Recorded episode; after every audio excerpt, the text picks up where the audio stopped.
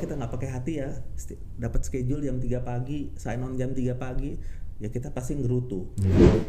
Terutama bap, eh, sang ayah adalah seorang pahlawan loh. Oh, iya, Biasanya, iya, iya, pahlawan. biasanya untuk eh, dunia angkatan udara, apa dunia militer Indonesia sangat Iya. eh, ini apa namanya sangat tinggi gitu kayak All crews ready?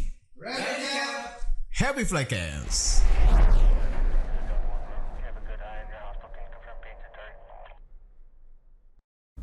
Assalamualaikum. Yuk kita flycast bersama gua Rizka dan Captain Doors. Doors, Yes. Doors, Doors Family, Doors, Doors Doors, Family. Family. Eh lagunya puterin dong Doors Iya, Family. iya. Itu itu ini banget ya, ikonik banget ya. Iya. Apa kabar Kakak Riz? Alhamdulillah. Lu sendiri gimana? Alhamdulillah ya baru dikasih format nih. Step, Iya, tidak tadi biasanya. berantakan amat. Iya. Gua dong. Eh, Oh, iya. jadi ada satu aturan Hmm. di ada suatu perusahaan yang menyebutkan bahwa rambut tidak boleh berkerah. Rambut Eh, tidak- rambut tidak boleh menyentuh kerah. Oke. Makanya rambut gue gue naik naikin Oh, biar gitu tidak ya. menyentuh kerah. Untung gue belum ya? belum masih ya, belum masih ke kerah ya. Garingnya. Lumayan. eh, Kak, kita kan pilot nih Kak ya. Hmm, Apa namanya? Eh, Enggak, gue bukan pilot. oh, jadi apa? Gue Lawyer. lagi di rumah. gue lagi di rumah kan, jadi gue bukan Jangan pilot. curhat dong. Oh, jangan curhat ya. Oh iya iya iya. Terus terus terus. Saya kan pilot nih. Masih banyak yang bertanya-tanya nih. Pilot itu ada yang jagain gak sih? Ada yang ngasih tahu gak sih? Ya gak sih? Eh, apa namanya? Jagain, jagain maksud lo gimana sih? Jagain maksudnya dari yang yang agak melenceng eh, harus dari lurus lagi gitu. Gitu nggak sih? Oh iya iya iya. Mungkin maksud lo tuh pilot itu ujuk-ujuk jadi pilot atau gimana sih gitu? Nah, Apakah gitu. ada yang ngajarin atau Iya. ada yang ada yang Atau sendiri membimbing aja begitu gitu ya? kan atau gimana gitu kan. Iya iya, ini menarik nih. Menarik kan jadinya kan banyak berta- bertanya-tanya tuh Ah. teman-teman kita kan Karena aviasi. waktu gua lahir sih, tau-tau gua udah berempat. Mimpi canda. ya. Garing ya. Hari ini gua lagi garing gak tau kan dari pagi gua bangun tidur tuh garing terus sama bini gua juga garing gitu. Bini gua bilang garing banget sih lo. Kayaknya gara-gara oh enggak ya enggak. Oke, kebetulan nih Kak, Ya. hari ini kita kedatangan satu narasumber Mm-mm. yaitu seorang fasilat fasilitator untuk seorang pilot. Oke, keren banget. Kita sambut aja. Kak ya. Oke. Captain Oton Driver. Halo, selamat sore semuanya. Apa Selamat kabar, sore, Cap? Baik, baik. Pak panggil Oto aja deh, kan Iya. itu pesawat ya. Oh gitu ya. iya. Bang Oto ya, Bang Iya, Oto. Oh, nah. Oke. Bang, Nah. tampang tampangnya hari ini cerah sekali nih. Nah, Eh, iya, karena bangunnya agak siang. Oh gitu. Iya. Seger banget kelihatan hari ini. Habis sholat subuh tidur lagi. tidur lagi. Oh iya iya, sama berarti. Alhamdulillah pada sehat semua ya. Iya, pada sehat Bang semua. Oto juga kelihatan cerah Iya. banget. Mudah-mudahan hari ini bisa banyak sharing ilmu pengalaman Ilmu, dan pengalaman dan Iya, juga curhat curhat curhat colongan gitu ya. colongan gitu kan. Pengalaman pahit, pengalaman manis ya kan, mungkin bisa diceritakan ke kita. Captain Oto. Iya. Eh, Bang, Bang Oto biar Iya, ini Bang ya. Bang, eh, apa namanya? Boleh nih diceritain ke kita keseharian hari eh, sehari-hari ini lagi sibuk apa nih, Cap? Ya, eh, sekarang selain terbang, saya juga ada usaha di luar. Oh. Ya, udah usaha dari kelu- keluarga zaman dulu. Oh. Dan itu saya teruskan. Eh, selain itu dari hobi juga saya akhirnya menimbulkan satu usaha. Itu bengkel. Jadi eh, kalau misalnya saya nggak terbang atau eh, lagi nggak di simulator, ya saya kerja di bengkel atau kerja di kantor saya sendiri gitu. Oh, gitu. iya. Nah, sebelum kita obrolin tentang hobi nih, berarti obrolin kan tadi kan ada bengkel, ada otomotif, berarti otomotif ya, Cap ya? Iya otomotif. Nah, otomotif. Sebelum kita Sesuai nama nih, Bang Iya. Oto. Iya. Hobinya otomotif. otomotif. Pas kan ya? Cocok cocok logi istilahnya. Cocok lagi. Bang, boleh kali diceritain dulu pa, se- awal Sejarah ya, sejarahnya eh, Bang Oto pa, masuk ke dunia penerbangan dulu deh. Oke, waktu SMA saya memang dari awal cita-cita saya untuk jadi penerbang, Penerbang. karena orang tua saya, ayah saya penerbang. Oh, Oke. di Bandung. Jadi, di waktu itu sih eh, awalnya di Jakarta. Oh, Jakarta, Nah, terus abis itu eh, ayah saya bilang enggak, kamu jangan jangan jangan jadi penerbang, kamu jadi ekonom aja. Eh, tapi memang bukan passion saya di situ. Akhirnya saya bilang enggak, saya harus jadi penerbang. Oh. Nah, sementara sebelum jadi penerbang saya belajar di dunia otomotif dulu. Oke. Nah, terus abis itu eh, tahun berapa ya? 88 saya mulai terbang, belajar terbang. 8 88 akhir saya selesai, 89 saya mulai terbang. Ya, Flying school di mana, Cap? eh, saya di luar negeri di Oh. flight safety. Oh, fly di eh, Australia. Aust- Eh, nggak di Amerika. Oh, di Amerika. Florida. Ah, eh, Florida. Florida. Iya. Oke. Terus abis itu saya eh, kembali ke Jakarta. mhm. Eh, sebenarnya masih di sana masih masih pengen tinggal berapa saat tapi orang tua saya bilang nggak kamu pulang aja Kayaknya betah ya." nih. kayaknya dunia, betah dunia dunia dia sana ya berarti Ya. kan. terus eh, saya mulai karir saya di eh, salah satu airline swasta ini boleh disebut apa enggak deh Boleh. Nggak apa-apa Boleh, sih. nggak apa-apa ya. Kita di sini bebas kok. Ya, Yang bebas. penting kan kita Eh, tidak pernah menjelekan. Nah, menjelekan, ya. ya. Kita sebagai pilot di Iya. Indonesia bangga dengan maskapai yang ada di Indonesia dong. Ah siap. saya mulai di eh, Borak waktu itu Oh. terbang HS 748 eh, 74 Uh. 8 Baling-baling, Cap. Eh, bukan 747 8 748. 748. Pesawat legend aja. Iya. itu eh, saya terbang di Burak terus dari situ saya ke Sempati Eh, di Sempati sampai eh, 98 kalau nggak salah Rating apa, Cap? Sana, Cap, cepat. Eh, di Airbus 300 B4 Oh. ya jadi yang ada ada teman di belakang yang bantu bantuin iya. Bantuin. mencet mencetin gitu Bertiga terbangnya itu. Iya bertiga. Biar banyak pencetannya itu, ya. Iya, Satu ke sana, satu ke iya. tembok. Kepo, sih enaknya cuma diem aja. Oh, gitu, Cap. Nah, dari situ saya ke AWR. AWR. Iya, dulu uh, 310, 310. Hmm. Hmm. Dari situ saya pernah ke mana lagi ya? Panjang Eh, juga ini Panjang, panjang. Ah, Luar jadi pindah, pindah, pindah, pindah gitu. Oh. Eh, IPTN terbang Gulfstream. Oh. Iya. Oh, IPTN sekarang PTDI ya. PTDI. Nah, pada saat itu IPTN. Tahun berapa itu, Bang Oto? tahun IPTN. berapa ya 2001 kalau nggak salah 2002 ya sekitar oh, gitu masih Ah. masih jaya-jayanya masih itu ya. jaya-jayanya Iya, iya. ya Ghost Stream itu yang G, G G4 waktu itu. G4 oh Iya. G itu Ghost Stream. Oke. nah setelah itu saya ke eh, airline swasta lagi ke Hmm. Adam Air dari situ saya kembali lagi ke eh, charter flight Oke. Iya. Indonesia di, di Indonesia, Oke, tapi oh. kita banyak terbang di luar Oh, gitu Heeh. berarti sudah melalang buana Iya, nih. menarik banget ya. Menarik banget pengalamannya. Iya. Banyak banget berarti. Pasti kan apa lika-likunya juga banyak ya. Nah, nah boleh di cap ceritain cap pengalaman. pasti kan udah sering keluar negeri cap. Kalau saya sih kan jarang. Mungkin cap Triska agak sering kan. Oh iya lah, gua hari-hari keluar Pesawatnya negeri. besar ya. Harus sombong. Boleh cap diceritain pengalaman-pengalaman ya cap waktu terbang di mungkin benua mana, terus mungkin ada cerita apa yang teringat-ingat sampai sekarang gitu cap. Ya mungkin kalau terbang di luar itu kan sama aja ya Sam, sebenarnya sama terbang di dalam negeri mungkin Iya. Captain sendiri tahu lah Iya, iya. ya hanya masalah eh, apa aturan Airlow berarti cap ya. Sama bahasa sama bahasa apalagi bahasa Inggris dengan slang apa bahasa Inggris dengan slang Oh, apa siap. gitu mungkin kalau ke apa namanya ke Amerika hanya dia hanya eh, apa namanya eh, fit dengan eh, poundnya aja yang Oke. berbeda Iya. statute mile visibility dan segala macam tapi basicnya sama aja sih Hmm. Ah, ah. cuman malah lebih enak terbang di dalam negeri Oh gitu cap. makanannya lebih cocok Wah, Nasi pecel gitu kan. Itu nasi dia. padang, Nasi padang. sate padang, coto ya cap kita Jadi kalau ke kalau timur. kita terbang di dalam negeri berat badan nambah. Nah, kalau terbang di luar negeri susah. Iya iya iya. iya. Kalau kalau saya bahasa Inggris saya bahasa Inggris salah paham, Bang. Jadi salah tapi paham gitu loh. Garing mulu gue.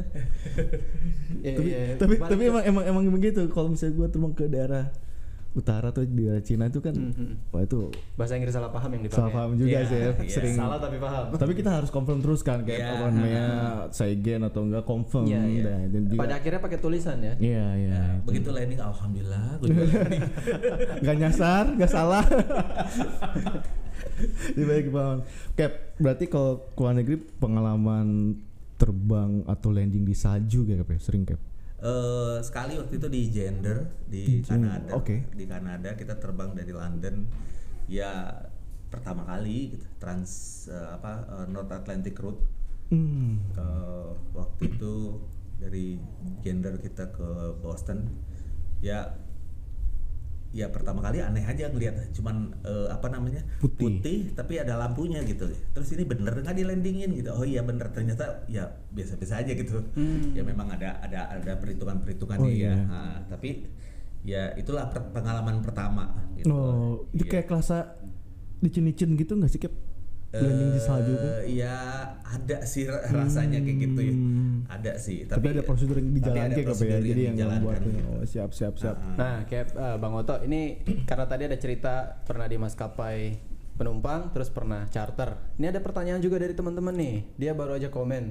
Kalau misalkan terbang maskapai yang isinya penumpang biasa dengan charter apa bedanya sih? Terus apakah ada training lagi untuk jadi pilot charter? Hmm, tiap rating kan pasti kita eh, eh, ini ya kita kita kita harus eh, training lagi gitu tiap Tiap rating rating. pesawat ya seperti para captain tahu sendiri Siap. tapi eh, intinya charter itu eh, kita eh,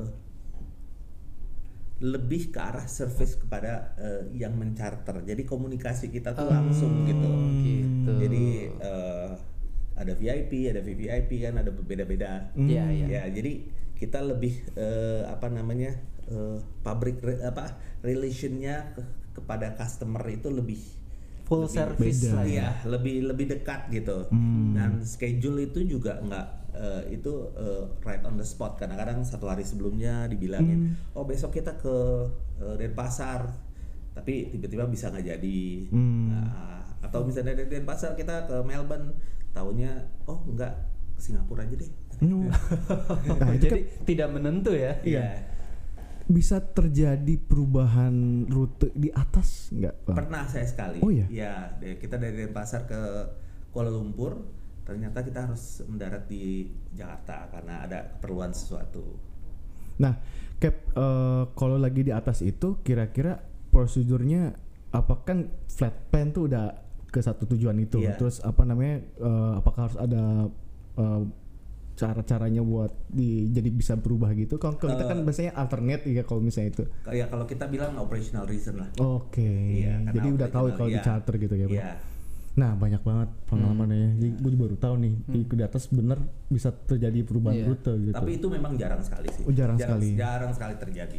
Jadi ini menjawab pertanyaan tadi teman-teman netizen. Jadi untuk jadi pilot charter itu bukan sekolah pilot charternya, tapi sekolah tipe Rating- pesawat iya, yang di pesawatnya. bawah Iya, itu iya, nanti karena, ya. eh, mungkin ti- eh, pesawat charter yang diterbangin oleh seorang penerbang itu bisa juga itu eh, adalah pesawat eh, komersial Yang Kayak- sama yang gitu sama ya. kayak eh, eh, apa namanya NG atau mungkin eh, dia bisa eh, di, di, di, di untuk corporate-nya adalah BBJ kayak gitu. Oke. Nah, berarti kan udah banyak banget nih type ratingnya Captain Otto Bang Otto ini kan dari yang pertama tadi di Borak yang baling-baling 4 KP sampai yang udah Gulfstream sekarang Airbus 3 di 320. Captain udah banyak pengalaman di berbagai pesawat. Nah, dari pesawat-pesawat tersebut mana nih yang menurut Captain paling suka dibawa, paling atau Paling, paling, susah, deh, susah? paling susah dipelajari. Nah, dipelajari menurut Atau- Captain gimana? Kalau saya bilang eh, nggak jadi komersial nggak apa-apa ya. Nggak apa-apa, nggak apa-apa. Iklan pabrik nih. iklan pabrik nanti ya. Mudah-mudahan kita pulang dapet ini. ya. Oh iya. ya, seenggaknya dapat mobil gitu. Amin. Amin.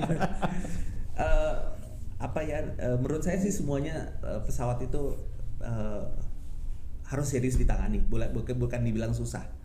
Kan eh, ada orang bilang namanya eh, menganggap remeh atau underestimate adalah eh, apa namanya eh, bibit dari eh, kecelakaan. Kegagalan. Iya atau kegagalan. Wah, Jadi quotes eh, nih, quotes, quotes nih. Quotes. Pasti masukin Nanti teman-teman. ya. Teman-teman, underestimate adalah underestimate. bibit dari kecelakaan. Iya, jadi yang namanya underestimate at seeds of disaster kalau orang bilang. oke.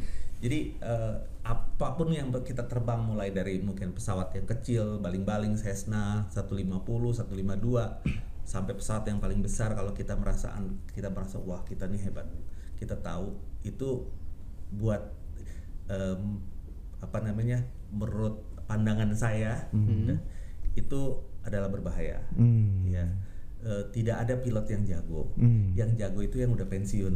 Nah, Nah, kalau Ya, kita kita bertiga, pensiun, ya setuju. kalau kita bertiga ini biasa-biasa saja. Iya. Setuju, setuju. Kalau kita udah turun dikalungin bunga, red carpet itu baru pilot jago. Karena selama selama itu dia maintain, dia punya proficiency-nya, dia maintain kesehatannya sampai akhirnya dia umur 65 ya, Hmm, 65 iya, dia turun dikalungin bunga, itu baru jago. Luar biasa sih. itu baru pilot yang jago. Baru pilot. Maksudnya pilot yang yang the best lah gitu Ya, kalau kita biasa-biasa aja lah. Betul. Iya, iya, iya, iya, setuju. Biasa-biasa aja. Nah, kayak apa namanya? eh sekarang mulai mulai ke mungkin hobi kayaknya. Mm-mm. Nah, Captain Auto kan tadi kan hobinya eh, otomotif sesuai dengan namanya tadi kan. Iya. Nah, boleh diceritain Captain katanya kan punya koleksi-koleksi nih. Iya. Mobil-mobil tua Cap ya. Ya, mobil tua. Mobil tua. Mobil rongsokan. Tapi dibuat gak rongsokan ya Cap. ya. Mobil rongsokan yang harganya Gak rongsokan. Cap boleh, boleh nih diceritain kenapa Bang Oto senang sama mobil tua. eh saya dari kecil eh, memang Otomotif. dibesarkan di keluarga yang sederhana Hmm. dan kebetulan eh, ayah saya adalah eh, seorang pensiunan dari eh, TNI AU. Hmm. Jadi pada saat itu mobil kita mobil biasa-biasa aja gitu. Hmm. Nah begitu ayah saya bongkar-bongkar mobil, saya suka liatin, oh gini tuh caranya, oh gini. Ini saya tanya, saya tanya, tanya, dan itu yang membuat menimbulkan saya interest terhadap mobil. Saya nggak bilang mobil tua dulu pada Hmm. saat itu. Nah terus waktu SMA, akhirnya saya udah bisa. Waktu SMA kan kita eh, perlu ini ya, perlu eh, ada income tambahan ya. Iya. Namanya juga SMA. Iya, ya. iya, iya. Kalau dari jatah dari bokap kan cuman ya atau sendiri lah. Saya juga sering jualan pensil waktu itu. Iya, seperti kayak gitu. Jadi buat malam minggu khususnya kan Iya. perlu ada additional income. Additional income. Iya, jadi akhirnya ada mobil-mobil deket rumah, ada tetangga-tetangga apa gini suka datang, eh tolong curapin dong. Ya udah. eh, canggih Ya, juga. Khusus- Canggih. Khususnya pada saat itu VW. Hmm. Ah, ah. Eh, Semua kayak jenis VW kodok, atau kombi kayak gitu.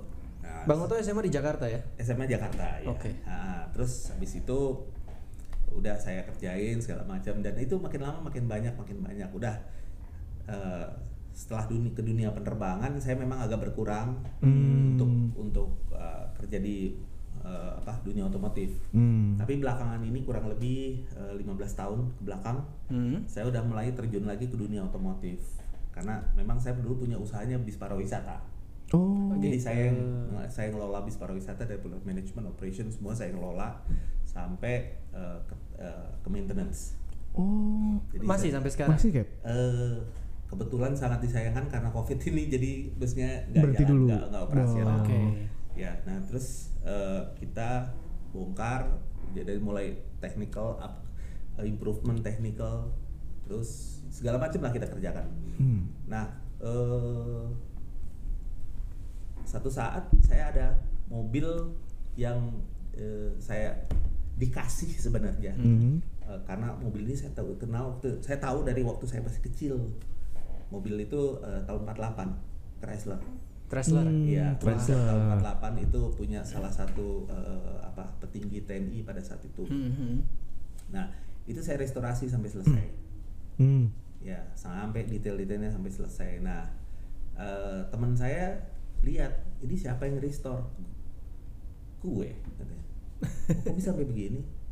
Iya, mau nggak restore eh, ini? Eh, ya, apa namanya? Mau nggak restore punya gue? Nggak. ah. Hmm. Nah, terus ada lagi mobil yang lain. Eh, begitu teman saya maksa ini untuk taruh di pameran. Hmm. Saya udah nggak mau. Saya bilang saya punya mobil buat saya sendiri, bukan buat buat konsumsi umum. Oh, lah. mobil itu minta ditaruh Iya, di pameran. Di pameran. Akhirnya dia yang daftarin, taruhlah di pameran. Banyak yang datang, banyak yang nanya ini siapa yang restore, Hmm. siapa yang restore. Nah di situlah saya mulai bu, akhirnya ini dong, tolong dong mobil ini lu, lu restorein buat gue. Hmm.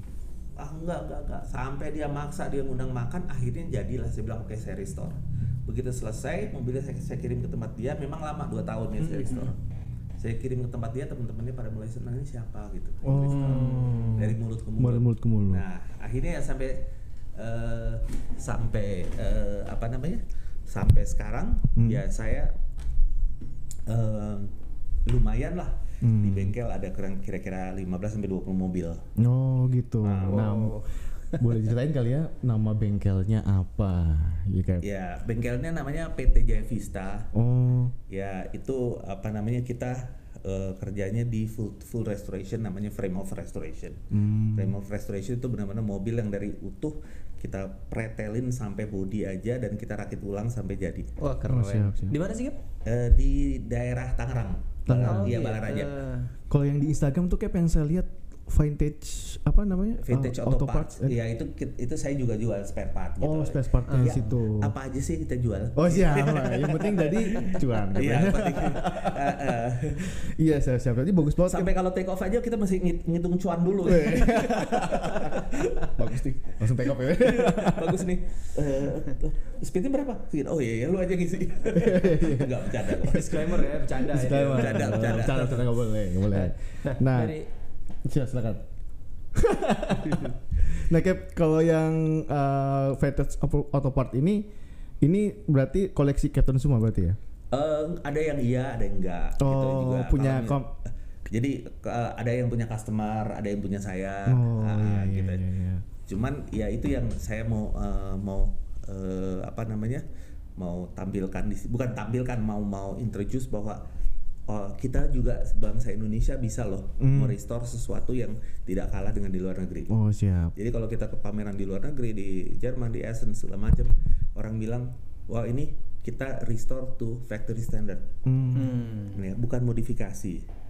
Jadi standarnya lagi. standarnya Eh, pedoman saya di restorasi adalah kalau mobil itu kelihatan di restore Mhm. berarti saya fail. Oh. oh gitu. Iya, Jadi tapi harus kalau- kelihatan asli lagi Jadi dari kalau pabrik mobil ya. itu di Hmm. restore seperti kalau eh, Captain Duriat pada saat itu beli dari dari dari dari dari pabrik Pertamanya. seperti begitu. Jadi nggak over restore kalau orang bilang Hmm.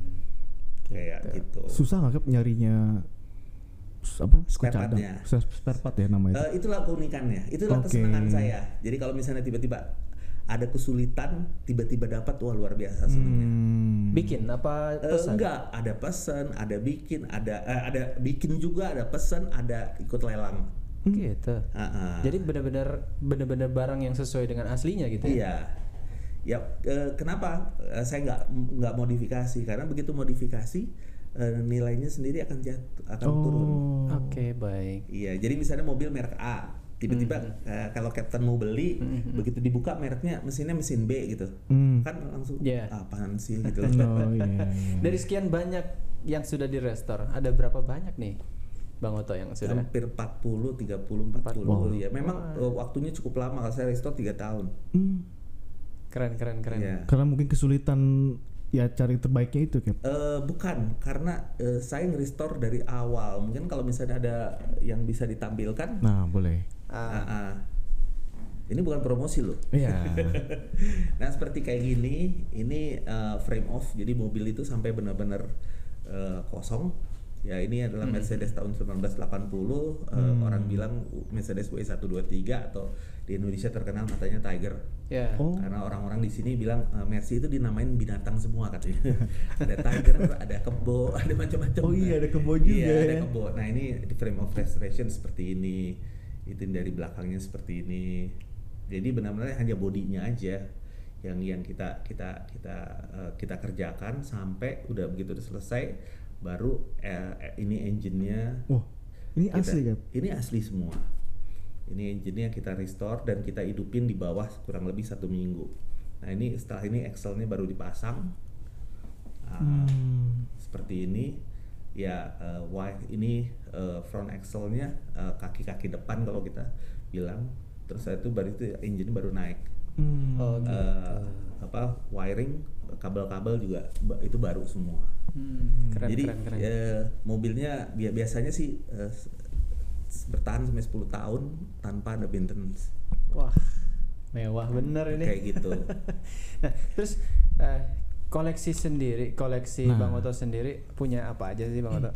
ya ada beberapa kendaraan yang terutama dari eh, eh, lungsuran apa lungsuran ya oh, dari dari orang tua saya Mhm. ya terus saya juga ada eh, motor yang tahun 1919 jadi sudah 102 tahun Hmm, 102 itu, ya, tahun. itu dari kak- kakek saya 102 tahun umur. ya? 102 tahun umurnya itu Harley Luar Wow. biasa. terus eh, ada eh, apa namanya eh, karena saya dulu eh, anggota Volkswagen Fan Club tahun 83 Hmm. ya saya kebetulan masih ada mobilnya. Jadi tapi udah lama nggak ini nggak udah nggak lama gabung begitu saya telepon lagi saya bilang saya nama saya ini. Oh iya saya bilang saya nomor nomor nomor anggota saya 156 enggak kata 106 oh udah senior juga ya sementara sekarang udah hampir 800 kali. Oh gitu. Uh, Banyak juga. Iya, karena itu saya saya kira Volkswagen Fan Club adalah salah satu perkumpulan eh, otomotif pertama di Indonesia. Volkswagen Iya, ya, VVC VW. dengan VBC. Yang kemarin baru ulang tahun di eh, gedung MPR. Mhm. Oh Iya, gitu. iya. Cap Captain lebih seneng up mana nih? Berbisnis atau menjadi seorang pilot? Eh, dua-duanya art. Art. Iya, dua-duanya art. Jadi kalau kita mengerjakan sesuatu kan harus pakai hati ya. Iya. Hmm. Ya, jadi sama dua-duanya juga saya senang. Hmm. Jadi baik saya kerjakan di bisnis saya itu kita pakai hati, di penerbangan juga kita pakai hati. Ya eh, kalau kita nggak pakai hati ya dapat schedule jam 3 pagi, sign on jam 3 pagi, ya kita pasti ngerutu. Iya. Tapi kalau kita pakai hati ya kita senang aja, alhamdulillah kita dapat kerjaan gitu loh. Nah apalagi itu teman-teman, juga tuh kan. apalagi dengan dengan dengan kondisi seperti ini ya Siap. ya kita juga kita alhamdulillah lah kita bisa masih bisa eh, ada di kokpit Hmm. masih bisa ketemu teman-teman gitu loh Ya. Berarti sesuatu yang dikerjakan dengan hati, mudah-mudahan akan hasilnya akan lebih Iya. enak ya ya. Iya. Tadinya- Menjalankannya. Tadinya saya mau jawab, eh mau nanya ini nih, mau milih jadi pilot apa usaha, tapi udah terjawab. Dua-duanya Iya, iya. art. Tapi Iya. kalau misalkan saya suruh nanya cepet, saya nanya cepet terus disuruh milih salah satu dari itu.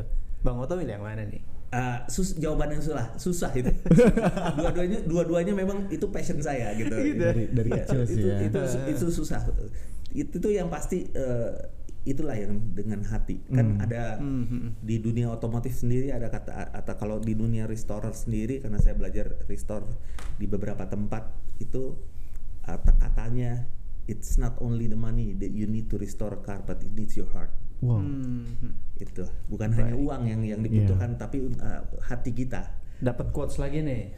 Banyak ya. Hari ini banyak banget pasti kita dapat ya. Tadi Bang Oto juga cerita ayah seorang penerbang Nah. TNI AU. Pengen tahu dong saya kepo nih bapaknya dulu pilot apa? Eh, bapak saya terakhir eh, menerbangkan eh, B25 bomber Mitch, eh, B25 Mitchell. Yang besar itu Cap ya? Eh, enggak, itu medium medium size bomber. Oh. Kalau mungkin kita dengar eh, lihat film Pearl Harbor, Oke. waktu dia berangkat dari kapal induk untuk ngebom Jepang, Ya. dari Kolonel James Doolittle, Doolittle dia kap- satu-satunya bomber yang take off dari kapal induk. Hmm. USS Hornet kalau nggak salah tahun 42 bulan Iya Maret. iya iya. Ya. Nah, eh, itu pesawat yang sama. Jadi eh, ayah saya itu lulus kalau nggak salah 1943 jadi penerbang. Mhm. Nah, terus dia ditempatkan di Australia di Darwin untuk ke apa mempertahankan Australia dari pendudukan Jepang. Hmm. Jadi dia shipping, dia ngebom kapal-kapal Jepang yang ada, ada di daerah Kupang, selatan Kupang gitu. Cap boleh tahu nama bapak siapa? Uh, Namanya? Nordraven. Bapak nama nama belakang saya. iya. Kolonel Nordraven. Iya. Oh berarti yang, yang kita lihat di Google itu bapaknya beliau Yoi. berarti ya? Oh, berarti beliau juga termasuk salah satu pendiri angkatan udara Cap? Eh, Iya, memang dia eh, pada saat itu eh, pertama eh, komandan eh, Halim pertama, Oh. eh, Lanut Halim pertama dan komandan pada saat itu kalau nggak salah KGK, komandan grup komposisi. Kalau sekarang eh, Pangko Ops ya, kalau nggak salah. Maaf mungkin kalau kalau saya salah ya, kalau nggak salah Pangko Ops pertama Hmm. di eh, TNI AU. Nah, zaman dulu waktu Captain ingat wah, pendidikan beliau bagaimana Cap ke Captain sampai Captain tuh ke dunia penerbangan tuh sangat cinta apalagi ke dunia otomotif juga gitu. Padahal bapaknya sendiri nggak pengen jadi pilot, tadi pengen jadi ekonom ya. Iya, pengennya eh Mbak Kevin pengen jadi ekonom aja gitu. Pengen itu gimana, Kev? Bapak saya sendiri sebenarnya nggak pengen jadi pilot. Oke. Ya, ah, karena situasi kondisi pada saat itu Hmm. eh, ada wajib militer Hmm. dan dia eh, waktu itu jadi ordinance apa pengantar Hmm. pengantar surat di tentara Hmm. terus habis itu dia medical check dia lulus jadi pilot jadi eh, calon pilot Calon pilot. Ya. Hmm, hmm. dia berangkat dengan eh, kalau nggak salah 800 sampai 900 calon terbang yang Hmm. Maksud penerbang pertama, ya Oke. eh, Mhm. dari Jakarta dari berangkat dari Cilacap eh, kira-kira eh, satu satu malam atau dua malam sebelum Jep- diduduki Jepang Oh. Hmm. menuju Oke. ke Australia ke Fremantle. Terus eh, dari 800 itu kalau nggak salah yang menjadi penerbang itu hanya 80 apa 70. Ya, Wah, yang lainnya seleksinya yang ketat yang, ya. yang lain-lainnya jadi navigator kalau Oh, salah kalau oke. Ah, kalau nggak salah bareng Pak Nurtanio bukan ya? Eh, saya kurang jelas Oh, saya iya, kurang iya. Hmm. Baik. Nah, kalau pesawat, pesawat captain captain ini kan nggak perlu navigator ya. Kalau Iya. dulu pesawat dulu pakai celestial kan shooting star. Iya, iya, iya. Jadi mas perlu navigator, perlu eh, eh, operator telegrafis Hmm, yang pakai Morse itu Morse code. Hmm, hmm, hmm. Nah kalau sekarang kan kita nggak perlu ya. Iya, Iya, sekarang tinggal kita ketik. lakukan semua. Iya kita lakukan semua. Tinggal Iya, iya. geser-geser doang. nah jadi se- se- sebagiannya itu. Nah tahun 45 setelah Je- Je- Jepang kalah, hmm, beliau balik kembali ke Indonesia tapi eh, diposkan di Balikpapan. Karena Hmm. Balikpapan adalah satu kota yang kota pertama yang dibebas, yang terbebas dari eh, Jepang. ya penjajahan Jepang kalau nggak salah itu. Hmm, wow. Gitu.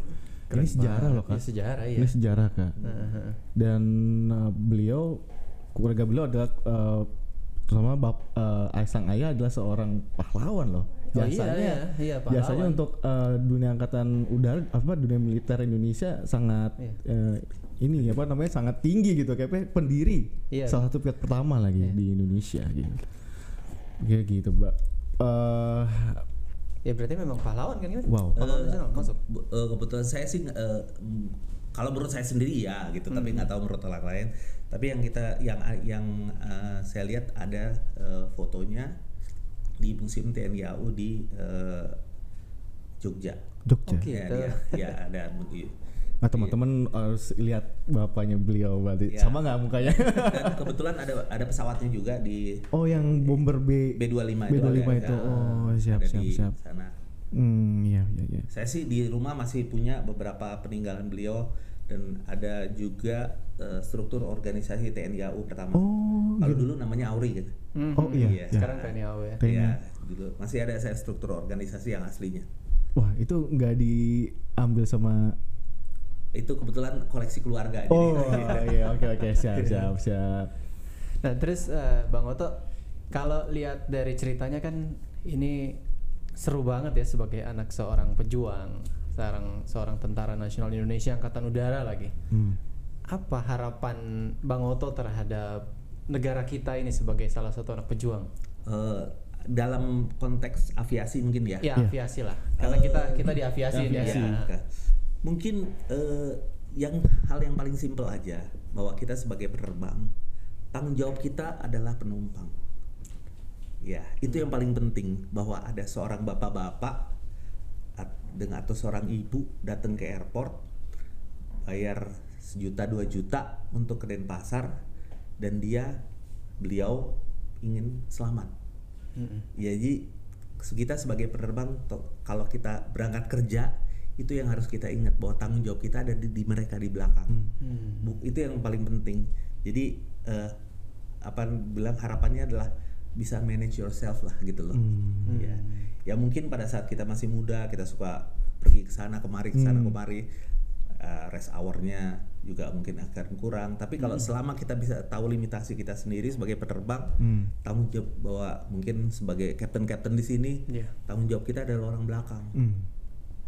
Dan eh, kata kata ayah saya bahwa penerbang itu yang paling sulit hanya cuma satu Hmm. untuk ngomong saya tidak bisa ya kita bisa ngerasain Iya, sendiri iya, sih iya, iya, kadang-kadang. iya. Iya, iya, apalagi benar banget tuh. w- pa- apalagi weather minima gitu. Hmm. Di depan yang landing junior kita. Iya. Kita lebih senior. Mah dia bisa masa gua nggak bisa sih. Setuju, gitu. Wah, ini pesan penting banget ya. Dia Iya. bisa masa gua nggak bisa sih. Pengalaman juga sih pernah apa hampir ada rasa gitu Iya. ya. Dia kan iya. dulu co-pilot gua, masa Iya. dia bisa dia bisa gua nggak bisa. Tapi ya apa sih yang kita cari? Kalau nggak bisa ya udahlah ya. Hmm. Iya, Iya, ya Jangan dipaksa lah iya, kayak. Kenapa sih harus di harus harus memaksakan diri gitu loh. Betul. Nah, itu aja ya. Memang kata-kata ayah saya yang paling tidak yang paling sulit sebagai penerbang karena kita sebagai penerbang egonya tinggi loh. Hmm. Hmm. Pasti egonya tinggi. Nah, apalagi eh, ada ada yang namanya Tingtung, Tingtung. minta susu. Oh salah kan, Iya. bukan gitu Oh, ya. tingtung, ya. ada namanya hierarki kan ya. Hierarki. Hierarki kan. Kita bisa lihat data bahwa 9 berapa berapa persen yang paling banyak adalah human error ya. Iya. Hmm. Dari human error adalah captain yang paling banyak. Betul. Ya. Orang sebelah bilang, "Cap, maaf Cap, gini gini gini." Tahu apa sih lu? Nah, Saya tahu apa kan? Saya lahir kapten udah jadi kapten. Nah, tapi eh, konsep itu kan kita sekarang udah, udah CRM-nya udah ber, udah Ya, berbeda. kita benahi ya, kita sama- benahi. Ya, tapi kita harus sadar diri bahwa kita ini ada limitasinya. Apalagi saya yang sudah berumur gini lebih banyak limitasi. Iya, iya. gitu loh. tapi nggak kata mawas Roto. diri ya. Iya. Kata aku sebagai fasilitator fasilitator gua juga kan di, Hmm. gua ngerasain ya banyak ilmu yang gua dapat dari beliau gitu kan jadi ya masih oke menurut gua apa namanya untuk menjadi fasilitator pilot gitu ya Nah, gitu mumpung mumpung fasilitator nih. Hmm. Pasti kan teman-teman apa sih fasilitator itu? Hmm, hmm. Terus gimana sih cara menjadi fasilitator itu mungkin Bang Oto bisa jelasin singkat kah? Hmm. Ah, waktu itu sih kita apa ya TOT dulu ya kalau nggak salah Iya. TOT zaman dulu eh, train for trainers. Terus abis gitu eh, kita ada saya waktu itu di train di Airbus Training Center di Hmm. Untuk jadi instructor. Eh, setelah itu ya kita apa namanya eh, ground ground training dulu kalau nggak salah ya Mhm. ngajar di kelas seperti Pak Guru dan Bu Guru walaupun banyak lupa gitu tapi ya setidak-tidaknya saya berusaha loh untuk Oke. untuk untuk eh, apa namanya untuk menyampaikan yang terbaik Hmm. walaupun kalau misalnya ada pertanyaan yang saya nggak bisa jawab saya bilang baik nanti saya akan jawab saya cari dulu Caranya gitu kan? Iya, karena, karena eh, saya nggak takutnya dia bilang ini orang ngarang bebas gitu Iya, ya. siap, siap, siap. karena terus terang kami tidak tahu semuanya Hmm. dan kami tidak mungkin tahu semuanya gitu loh. Hmm, hmm, hmm, hmm. Tapi alangkah lebih baiknya kalau ada pertanyaan yang ditanya ini apa nih? Wah saya sebentar saya saya akan cari dulu nanti saya emailnya apa saya akan email Hmm. jawabannya. Mungkin itu lebih bijaksana. dari- bijaksana lebih iya. bijaksana Hmm, hmm. oh gue cara juga nanti kalau misalnya ditanya gitu cap ini apa sebentar saya mau lihat dulu Iya. Cari lebih- gitu kan, makasih kan. Iya, lebih bijaksana lagi. Oke, di sini kan banyak teman-teman yang punya pengalaman Iya, berapa dan- iya, iya. Mungkin kapten ini Kapten bisa ini bantu jawab gitu kan. dilempar kan Iya. itu salah satu cara ngeles. jadi salah satu pilot juga harus bisa Ngeles. Iya. Bareng lagi ngeles itu.